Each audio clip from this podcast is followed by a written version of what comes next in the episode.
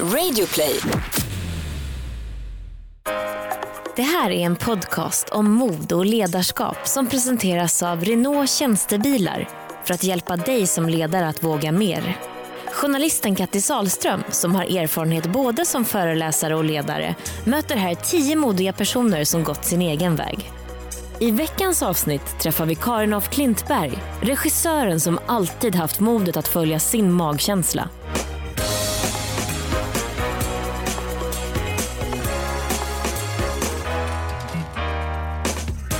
Hallå, hallå, välkomna hit till podden Mod, framtidens ledarskap. Jag heter Katti Sahlström och framför mig idag har jag Karin af Klintberg. Varmt välkommen hit. Tack. Vad ska vi säga? Det finns så mycket, men Kobra, Landet Brunsås, Rea, Värsta språket. Mm. Du har vunnit eh, priser, eh, massor som du säkert har bullat upp på hyllor där hemma. Årets förnyare. Och står i min garderob. Gör de? Och så har jag en eh, guldbagge som ligger under en växt. Varför det? Bara ligger och myser där liksom, ja. i skuggan? Ja. Men du ska vara stolt över dem. Du ska... Ja, det är jag mycket. Jag är mycket stolt. Såklart. Ja. Kanske ändå den mest finklädda eh, gäst jag har haft i radio. Aha. Tv är ju en sak, men du är ju väldigt flott. Och jag frågade när du kom in om du skulle på fest. Hon ser, för er som då inte ser, eftersom det här är en podd, lite Carrie Bradshaw. Aha, mm. Med en väldigt flott tyllkjol. Snygg hela du. Tack. Um, går du alltid klädd sådär? Ja, det är en sjukdom jag har.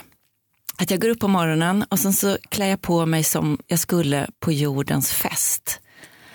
För att eh, jag ska vara redo ifall någon bjuder mig på fest. Men ingen gör det. Nej, men inte sådär spontant. Nej. Men det som händer när jag går omkring som jag skulle på bröllop varje dag, det är att arbetsmoralen blir väldigt bra för mig. För man kan inte såsa ihop när man sitter i en tyllkjol. Och det blir också väldigt bra för alla medarbetare för ingen annan kan så sig ihop när man sitter bredvid någon i tyllkjol. Måste fråga, smittar det av sig på dina medarbetare? Ja, det gör det. Så de också snofsar upp sig? Nej, i, alltså jag kräver inget sånt av någon, men det smittar ju av sig för att alla ja, rycker upp sig lite. Du, jag tänker vi, vi är ju inte så lite heller, vi är ju från samma bransch, ja. tv. Ja. Um, och jag har alltid tänkt på dig som en tv-entreprenör. Och vad menar du med det? Då menar jag att eh, du är en entreprenör inom televisionen. Du liksom skapar knasiga format. Som man om jag tänker mig att om man läser dina programförslag eller om du liksom, vad du ska producera, så tänker man, nej men alltså på riktigt, ett program om, om dialekter, alltså det vill vi väl inte ha. Mm.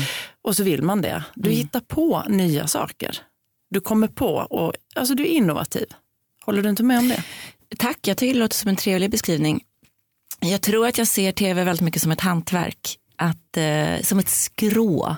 Och eh, ju mer man jobbar med det, desto bättre blir man faktiskt. Mm. Så att, eh, det gäller att ta hand om tvs alla beståndsdelar som det vore det finaste hantverk i fotot och i inspelningen och i klippningen. Men det är ju en sak, liksom, själva ramverket, men sen är det ju innehållet då. Mm. Det här liksom, där det, man upplever ändå att det finns en, alltså om man skulle beskriva dig som ledare så, så kanske det första jag tänker på är en kreativ ledare. Mm. Kan du, vad tänker du mm. om liksom det? Jo, men jag känner igen mig i det. Men jag brukar tänka att min inställning vad det gäller att göra tv, det är att jag skiter i vad tittaren vill se. Jag skiter i vad kanalen vill ha och jag skiter i vad som säljer. För jag tror att bara så kan man göra tv som berör. Jag tar inte del av målgruppsundersökningar. Jag är inte intresserad av urvattnade kompromisser eller konstiga lösningar. Eh, jag utgår från mig själv för att jag tycker att det jag gör, det vill säga folkbildande tv, är viktigt. Och om man har känslan att det man gör är viktigt, då blir man ganska stark. Och teamet runt omkring blir också väldigt starkt. Så när vi känner att det vi gör, det är viktigt, då kan vi välta berg. Och vad tänker du då är viktigt? Alltså hur eh, skulle du mer, om du skulle förklara det bättre, hur, vad du hittar i vad som är viktigt? Mm. Det kan vara både på mikronivå och makronivå. Viktigt kan vara att jag tänker att nu har en tittare fått sin hjärna stimulerad eh, satt sig ner, skrivit ett mejl till oss på redaktionen med funderingar istället för kanske bara ligga på sofflocket eller istället för att eh, ryta åt sin fru eller åt sin man. Eh, så så att, eh, att jag vill ju engagera människors hjärnor. Samtidigt så är det ju, man jagar tittarsiffror på alla kanaler, ja. även på de som inte är reklamfinansierade. Ja. Och det Men jag tror ju... att genom att skita i att jaga siffror så lyckas man. Mm. Och ändå är det väldigt många som inte gör det, som just går åt precis andra hållet och tittar på undersökningar och tittarundersökningar och är väldigt noga med att försöka hitta in direkt i målgruppen. Och sådär. Ja, men jag är ingen analytiker, det är, det är min sämsta gren. Jag kan inte göra en enda analys. Men om man är så mycket, alltså sån konkurrens som det är att jobba ja. på tv, det är det ju fortfarande. Ja. Det var ju ännu mer när både du och jag började för många år sedan. Ja. Men det är fortfarande hård konkurrens. Gud ja. Så hur, kan, hur vågar du göra sådär? Eh, för att jag tror att genom att göra så så får tittarna det de inte visste att de ville ha. Istället för att eh, stoppa upp ett finger i luften och känna vart det blåser så tror jag att det handlar om att våga ha tillit till det man själv gör. Hur hamnade du där, tänker jag? För i början kan du väl inte ha haft det där liksom, drivet och kaxigheten som det ändå krävs för att man ska våga just stå för det som du står för idag? Mm. Jag tror, någonstans så tror jag att jag alltid har litat på min intuition. Um, men det, det kan vara till viss del en begåvning men det är också till stor del erfarenhet. Så det är ju antalet timmar i ett redigeringsbås. Men jag tror redan från början att jag hade någon form av känsla för när det svänger och att jag vågar lita på den känslan. Hur då svänger? Ja, men tv har en osynlig ingrediens som heter när svänger det? När är det tillräckligt kort? När är det tillräckligt långt? När är det tillräckligt roligt och allvarligt? Eh, när finns det en melodi? Och det är en helt osynlig ingrediens som eh, är som någon slags kabel mellan hjärtat och hjärnan. Och den är väldigt svår att eh, sätta fingret på men den finns där i alla tv-program jämt. Och ibland så bara känner, man, känner jag av den musikaliteten. Mm. Inte alltid, men ibland. Tror du att det alls är möjligt att översätta det om man jobbar utanför tv? Om man jobbar som ledare på vilket företag som helst. Som, för, för men det är ändå så med tv, du har ju ljud och bild, du har ju en annan möjlighet att skapa känslor mm. Ju, mm. med, med eh, det medie som det är. Tror du man kan skapa det svänget som du pratade om på en vanlig arbetsplats? Mm. Jag tror det. Jag tror att man kan skapa det svänget också i personalen, i teamet. Eh, att även där på något sätt få det att svänga med en blandning av högt och lågt och roligt och allvar. Och då när personalen har det, då brukar det färga av sig på produkten. Jag pratar inte kanske bara om att alltså, maskinstillverkade skruvar går ju inte att påverka längden så, men teamet går alltid att påverka. den här eh, podden, vi pratar ganska mycket om eh, alltså, synen på mod. Ja. Att vara modig. Och det kan ju ha, liksom, du har ju så himla många olika infallsvinklar. Så vad, om du tänker på mod, för det, modig för en person kan ju vara något helt annat för en annan. Ja. Så när är du modig? Ja, men om jag tänker på när jag tycker att jag har varit modig, då är det ju å ena sidan de så att säga, yttre händelserna som är tydliga. Att jag hoppar fallskärm eller drar till Paris och färgar håret svart. eller öppnar en bokaffär i Avignon. Eh, Har du gjort allt detta? Ja. Wow. Eller eh, ser upp mig från SVT. Men på någon, någonstans så är det väl ändå inte det som eh, är det stora modet om jag ser på just mig och just mitt liv. Utan jag tror att eh, modet i det lilla är ju att eh, våga lita på min intuition och också hela tiden våga lita på att de jag jobbar med kommer att prestera sitt yttersta. Mm. För när jag litar på att de kommer göra det, då kommer de alltid tillbaka med något som är mycket bättre än det jag bad om. Som kreativ person man, så, här, så, kan man tänka sig att, och det finns ju många ledare som har väldigt mycket visioner mm. och så, i huvudet. Man liksom kan se framför sig liksom hur man vill ha det. Mm. hur är det för dig om du har liksom idéer där du har en tonalitet inne i huvudet, så här, så här du har en vision, liksom. jag vill Mm. att det ska se ut så här. Och sen ska du förmedla det till dina medarbetare som på något sätt ska göra ut det här. Mm. Hur ser det liksom, balansen ut och hur ser det samarbetet ut? Jag tror att det ser ut som så att jag presenterar någon form av vision. Men sen är jag helt ointresserad av den grundidén. För att sen är alltid verkligheten viktigare. Som jag säger så här, ja, jag har tänkt det här, hela programmet ska gå i orange.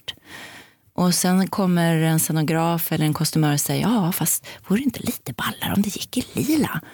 Och då är grundidén helt ointressant för mig. Så att, att våga släppa sin vision tycker jag är den bästa visionen. Och eh, ibland pratar jag med folk som säger så här, ja, det kanske inte blev perfekt men jag höll i alla fall fast vid min idé. Ja, många tänk- säger det. Ja, då tänker jag så här, men varför det? Det var väl dumt. Det är väl bättre att kunna eh, save as, ny idé, spara om, ny idé, att hela tiden se vad det blir av den. Det, det är min vision, att hela tiden släppa den. Men är det då viktigt att ha en väldigt tydlig idé från ditt håll trots eh, att den ändrar på sig? Att du ändå har på något sätt en tydlig bild eller vision från början Ja. för att sen kunna skruva på den? Nej, men här kommer då en hemlighet och det är att jag har inte en tydlig vision. Jag låtsas det. Och sen ändrar den sig massor. Eh, så att jag, det är också, eh, jag sluter säcken ganska sent i processen vad det ska bli. Så att processen är öppen ganska länge tills vi stänger. Jag är ingen ensam varg. Jag är jättedålig ensam så att det krävs alltid en grupp att eh, jag säger eh, en idé och så säger en redaktör någonting och så säger en tredje någonting. Så att det blommar ju när vi är tillsammans. Hur väljer du medarbetare? Eh, jag brukar tänka eh, first who, then what. Så att först att det är en person som eh, jag tänker att vi ska tycka om att vara med varandra. För man är med varandra så himla länge på jobbet. Och sen kan man skräddarsy uppgifterna. Så du har egentligen ingen sån där process, vissa har ju väldigt noga såna där eh, rekryteringsprocesser. Är det mer så att du vill liksom se om du kan bonda med den här Ja, personen? om vi liksom har trevligt när vi fikar tycker jag är viktigt. Jag tycker, ganska, jag tycker det är, trevligt, är viktigt att ha roligt på jobbet. Tre, inte roligt så att man inte gör sina arbetsuppgifter, men att man går dit och känner att man har trevligt. Ja, har du en känsla av att folk vill liksom leverera till dig? Ja, genom att jag inte hänger över axeln och genom att jag inte kontrollerar dem så blir resultatet alltid väldigt bra. För att när alla ser att alla andra presterar, då vill man inte vara den enda som inte gör det. Så att resultaten som kommer tillbaks blir alltid bättre än det jag beställde. Vad, hur ser ditt förhållande till makt ut? Men jag, jag tror att jag är naiv där, för det som jag inte märker att jag har makt. Det är ingenting jag tänker på eller har sett. Men det är klart att någonstans i den här processen så sätter jag ner en fot och bestämmer. Eh, men om man just ser på tv som skrå så är det väldigt bra att ha en demokrati ett tag. Sen måste någon bestämma, för annars blir man tokig. Det tror jag gäller i alla branscher, att någon måste ju någon gång bestämma. Men när alla har fått prata och fått lägga fram sin idé så tror jag också att eh, alla accepterar att jag väljer sen en, en väg att gå. Ehm, Och det vågar du göra bara Ja, till slut? ja, det vågar jag göra. Men jag tycker det är ganska viktigt att samla in folks eh, tankar först. Men sen sätter jag alltid ner foten och bestämmer. Nu går vi åt det här hållet och jag brukar kunna motivera varför. Eh, men har, det känns som jag inte har svarat på din fråga hur jag förhåller mig till makt. Men jag, jag tänker inte på makt. Men jag tycker att det är skönt att få mandatet att bestämma eh, till slut. Men eh, jag är inte så intresserad av att bestämma först. Jag vill bestämma i slutänden. Vad har du för processer när du liksom ska försöka få igenom någonting som i början låter knasigt? För jag tänker mig att många sitter med massa idéer och så är de redo att presentera dem för att de ska få ett nej. Vad- Hur tänker du kring det? Nej, men jag tänker att eh, jag, först och främst får man ju inte presentera något förrän man verkligen tror på det. Och sen när jag tror på det, eh, då tror jag på det. Och sen har jag också världens bästa införsäljningsknep.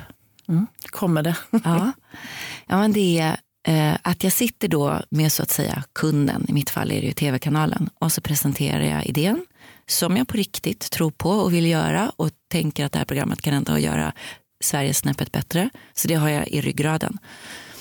Sen tittar jag på den som så att säga ska säga ja eller nej till beställningen.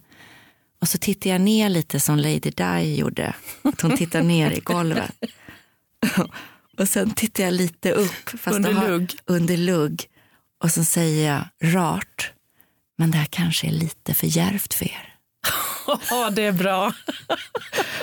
Och det som händer i rummet då blir att alla sträcker på ryggen och säger det här är inte för djärvt för oss. Det är precis hit vi ska gå. Vi ska våga göra det här.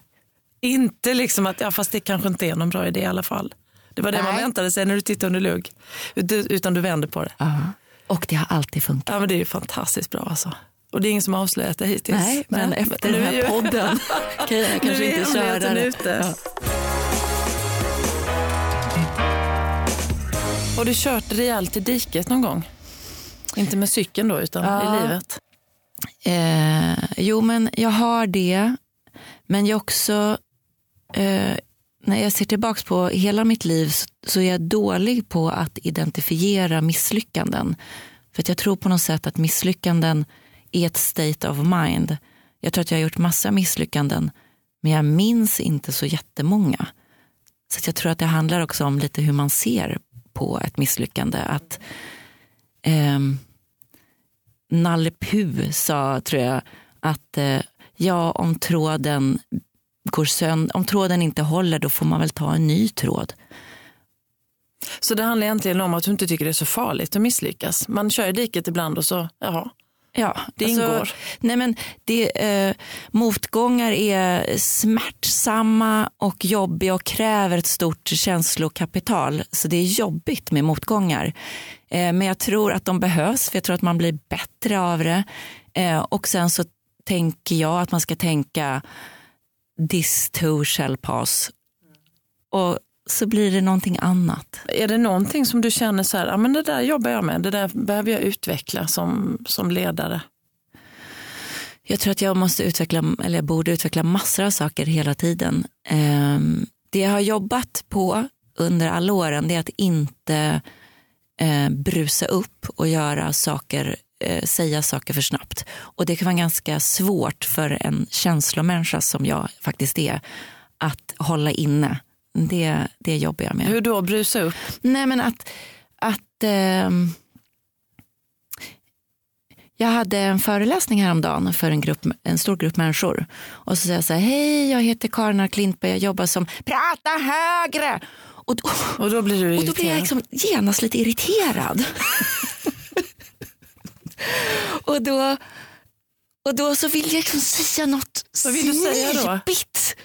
Till, tillbaks. Och då får jag så snabbt tänka, säg inte något snipigt nu utan var bara trevlig. Och ibland så kan det ju där, ibland lyckas jag inte med det.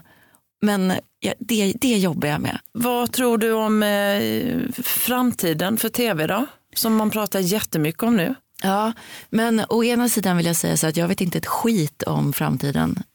Jag är motsatsen till en framtidsspanare. Vad betyder det? Nej, jag, Du vet, bara är här och nu. Nej, jag vet Du inte vad gör. som händer. Det förändras så snabbt. Men å andra sidan så vill jag säga så här att ja, vi befinner oss i en, en teknisk utveckling som ingen vet vart den ska ta vägen. Grattis alla digitala rådgivare som kan turnera på mediehus och prata om delbarhet och att man ska vara socialt aktiv. Ni är i Klondike. Men samtidigt vill jag säga grattis alla goda berättare som kan berätta en historia. För att människan har ändå berättat historier så länge vi har kunnat prata. Och det finns ingen anledning att tro att den kompetensen kommer sluta efterfrågas bara för att de digitala plattformarna förändras. Så jag tror att man kommer alltid få människor som lyssnar om man kan berätta passionerat och bra. På tal om det här med förnya, alltså att man vill ha förnyelse och att, du, har, att du är duktig på det, att hitta nya grepp på saker. Hur kan man uppmuntra till det? Det finns eh, en förnyelse som man kan hitta i gamla saker. Eh, så att man, jag brukar uppmana att ta någonting som du tycker är fruktansvärt bra. En serie, en film, ett radioprogram eller en brödrost. Och sen öppnar du den och monterar ner den och kollar vilka beståndsdelar den består av. Sen försöker du göra samma produkt fast med din take. Eh, det kan bli ganska bra resultat. Att titta på bra saker som har gjorts. Kan du beskriva något av de program du har gjort där du har gjort just på det sättet? Ja, eh, jag gjorde en serie med, eh, jag har gjort flera serier med Fredrik Lindström. Jag gjorde en serie med Fredrik Lindström som hette Världens modernaste land och handlade om svensk mentalitet. Och den gjorde jag tillsammans med en regissör som heter Tarik Sale. Och eh, han kom upp en dag med ett program från arkivet, ett SVTs arkiv från 1969 mm. med Vilgot Sjöman som programledare. Och så sa han så här, titta på det här programmet. Och så tittade vi på det och så sa vi, vi gör precis det här. Fast då det året som vi jobbade. Eh, och så gjorde vi, vi, vi, vi härmade varenda gardin i studion, vi gjorde golvet likadant, vi placerade Fredrik Lindström där Vilgot Sjöman satt.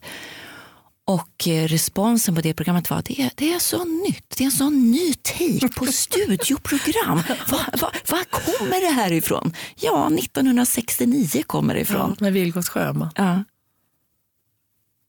Det är ju coolt. Tänker du så med alla dina grejer mer eller mindre? Nej, men eh, jag tänker ganska sällan på något, jag bara gör. Och sen efteråt så inser jag att det blev ganska bra. Det här med att du tycker att du vill göra någonting som är viktigt. Har du någon sån där, eh, någonting som är med dig hela tiden som du behöver, behöver finnas med när du ska göra saker? Ja, det behöver finnas allvar och det behöver finnas humor. Blandat? Blandat. Alltså dynamik? Ja. Och de måste komma i rätt ordning. För att i ett, så att säga, i ett narrativ, i en berättelse, så är det väldigt svårt att börja med allvaret och sen dra det roliga. Eh, så att man måste först öppna upp tittaren eller lyssnaren. Eh, så att om någon just har skrattat, då är, man, då är människan ganska öppen som individ. Man har öppnat en form av spjäll som man inte var medveten om man hade. Och när människan är öppen, då kan man dra vilka fakta som helst. Mm. Jag inbillar mig att om man lyssnar på dig nu och, och är chef, så kanske, när du pratar om berättelser, mm. så är det ju, jag menar, chefer drar ju berättelser hela tiden, mm. utan att kanske tänka på det. Alltså man kan ju dra en verksamhets berättelse heter det. Eller man kan berätta om siffrorna eller kvartalsrapport och ibland glömma bort att det faktiskt handlar om berättelse. För det, det är också budskap som man vill nå fram med mm. och många tycker det är jättesvårt. Mm. Och en av de läskigaste sakerna man har att göra det är att stå framför personalen eller massa människor och, och just prata. Eh, vad, vad, kan du liksom skicka med i det när det gäller liksom att storytelling som, som kanske man kan tycka i förstone att det är sjuk, en sjukt tråkig rapport som ska liksom förmedlas? Hur brukar du tänka då? Nej, men då tycker jag att man ska öva på det eh, och att man ska tänka att prata inför grupper människor är jätteviktigt för det kommer smitta av sig på deras jobb. Så om man tycker att det är jobbigt, jag kan förstå det, då tycker jag att man ska stå hemma hela helgen och öva på att presentera verksamhetsberättelsen på ett personligt och kanske lite roligt eller um, åtminstone eget sätt. Och så ska man öva på det hela, hela helgen. Så att måndag morgon, då vet man vad man ska säga och att man känner sig trygg i det. Mm. För många tycker ju, alltså det är de här rapporterna som kommer varje år om att många, alltså folk tycker det är läskigare än, dö, än att dö. Mm. Att stå framför folk mm. och prata. Men inget prat kommer till en bara. Jo, alltså, vissa människor är fantastiska talare. Men väldigt många av oss är, när vi går upp på en scen så är det inte bara som så att det kommer komma till mig. Jag höll ett sånt tal en gång till en kvinna som jag verkligen älskade. Hon fyllde 65 och så hade jag köpt en orkidé. Så tänkte jag att jag ska bara gå upp i den här orkidén så kommer talet komma till mig. Det kom inget tal. Mm. Men det kom en orkidé. och jag sa, Sonja, här får du en vit orkidé. För du är som en vit orkidé. Och sen grät jag så av min egen, att jag blev så rörd av mig själv. och sen, sen gick jag av scenen och sen har jag skämts i 20 år. och där lärde jag mig den hårda vägen att talet kommer inte till mig. Jag måste förbereda mig. Ja. Och jag kommer nästan alltid förberedd. Det hade ju kunnat komma något tänker jag, men just den dagen gjorde inte det. Nej, ingenting kom. Det var tomt. Och jag tittade ut över ett hav av oförstående och stumma blickar. Så otroligt spännande att prata med dig. Så- Om vi ska sammanfatta lite vad, vi har, vad du har sagt. Några saker har jag tagit fasta på som är lite det här med att släppa vissa grejer. Alltså, jag tror att man har en föreställning om, till exempel med rekrytering, att man ska säga enorm, alltså vissa, det är klart, vissa anställningar behöver vissa kunskaper, så är det ju. Alltså. Men ändå who och what tyckte jag om. Att du liksom, man ska First gilla det, att det är what. viktigt. Ju, det är klart det är. Med människor man ska ha omkring sig varje dag. Mm. Får jag säga en till kort sak? Att jag tror att om man tänker att det finns ett betygssystem som heter 1 till 5 att man ska inte kräva femmor hela tiden, vare sig av sig själv eller av andra. Utan man måste släppa igenom lite treor då och då. Och det är inte så farligt att släppa igenom treor för då kommer femmorna mycket oftare istället för att man jagar femmor. Bra. Och också lite känsla av att släppa ner axlarna i, i prestationshysteri. Liksom. Eh, sen så har du, har du också sagt det här med att, liksom att du har en vision, att man kan ha en väldigt tydlig vision Ja, som ledare, men sen att kunna släppa taget om den exakt. och att det då kan bli bättre. Ja, än man trodde från början. Gillar jag jättemycket. Man kan öva sig på mod, Mm. eller att vara modig, eller man kan öva sig på att kan man öva sig på att vara kreativ? Sa vi det egentligen? Ehm, ja, det tror jag. Vad skulle kunna vara metoden för det? Jo, men nu vet jag vad metoden är. Eh, det sägs att man aldrig ska gå samma väg till jobbet varje dag. För att ett sätt att utmana hjärnan är att alltid ta nya vägar till jobbet. Så att man ska börja med att hitta en ny väg till jobbet varje dag. Det är starten. Och sen när man lär sig att tänka, hur kan jag tänka lite annorlunda i den här situationen?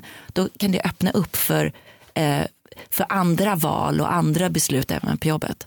Sån enkel grej att börja med. Det kan ju alla göra. Det ska jag börja med i morgon dag. Jag har så dåligt lokalsinne bara så jag är så rädd att jag går vilse då. Men, Ja, men det, kan vara bara en liten förändring. Man, ska, man kan börja i det lilla. Ja, precis. Det är bra. Okej, sen har du också pratat lite om eh, tvs framtid. Det var spännande att höra det. Att du egentligen, man behöver kanske inte tänka så mycket på framtiden. Eller sådär, hur det ska bli, det kan vi inte veta. den riktigt. Så. Verka här och nu. Eh, tro på sina idéer, Ja. viktigt. Kanske många som inte har formulerat sin idé riktigt. Eller så här, vad är det jag håller på med? Varför är det viktigt? men jag tror så här, receptet där är låtsas att du har koll men sen våga förändra den idén. Och hur låtsas man att man har koll? Ja, då går man in glad i hågen och säger ja, det är en riktig skithelg men nu ska ni föra på någonting bra. Och sen så berättar man det vi håller på med. Eh, och sen så bara medan man pratar och konstigt, där kommer talet lite till en ändå. Eh, en vit orkidé.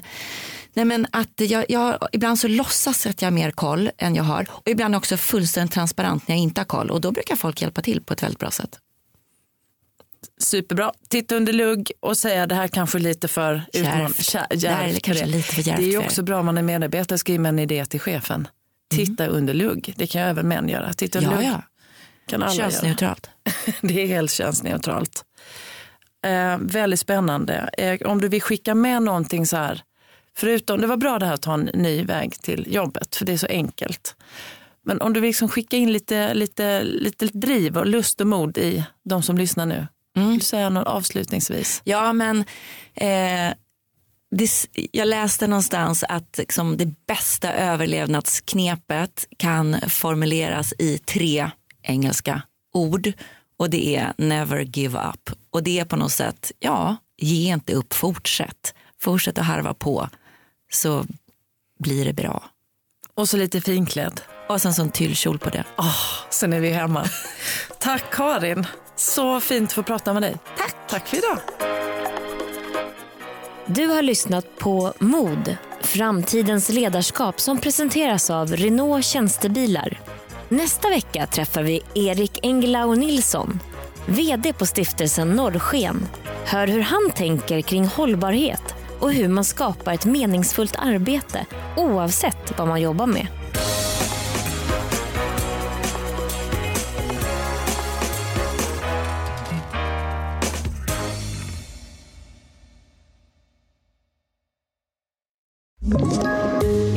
Poddtips från Podplay. I fallen jag aldrig glömmer djupdyker Hasse Aro i arbetet bakom några av Sveriges mest uppseendeväckande brottsutredningar. Går vi in med hemlig telefonavlyssning och, och då upplever vi att vi får en total förändring av hans beteende. Vad är det som händer nu? Vem är det som läcker? Och så säger han att jag är kriminell, jag har varit kriminell i hela mitt liv men att mörda ett barn, där går min gräns. Nya säsongen av Fallen jag aldrig glömmer på Podplay.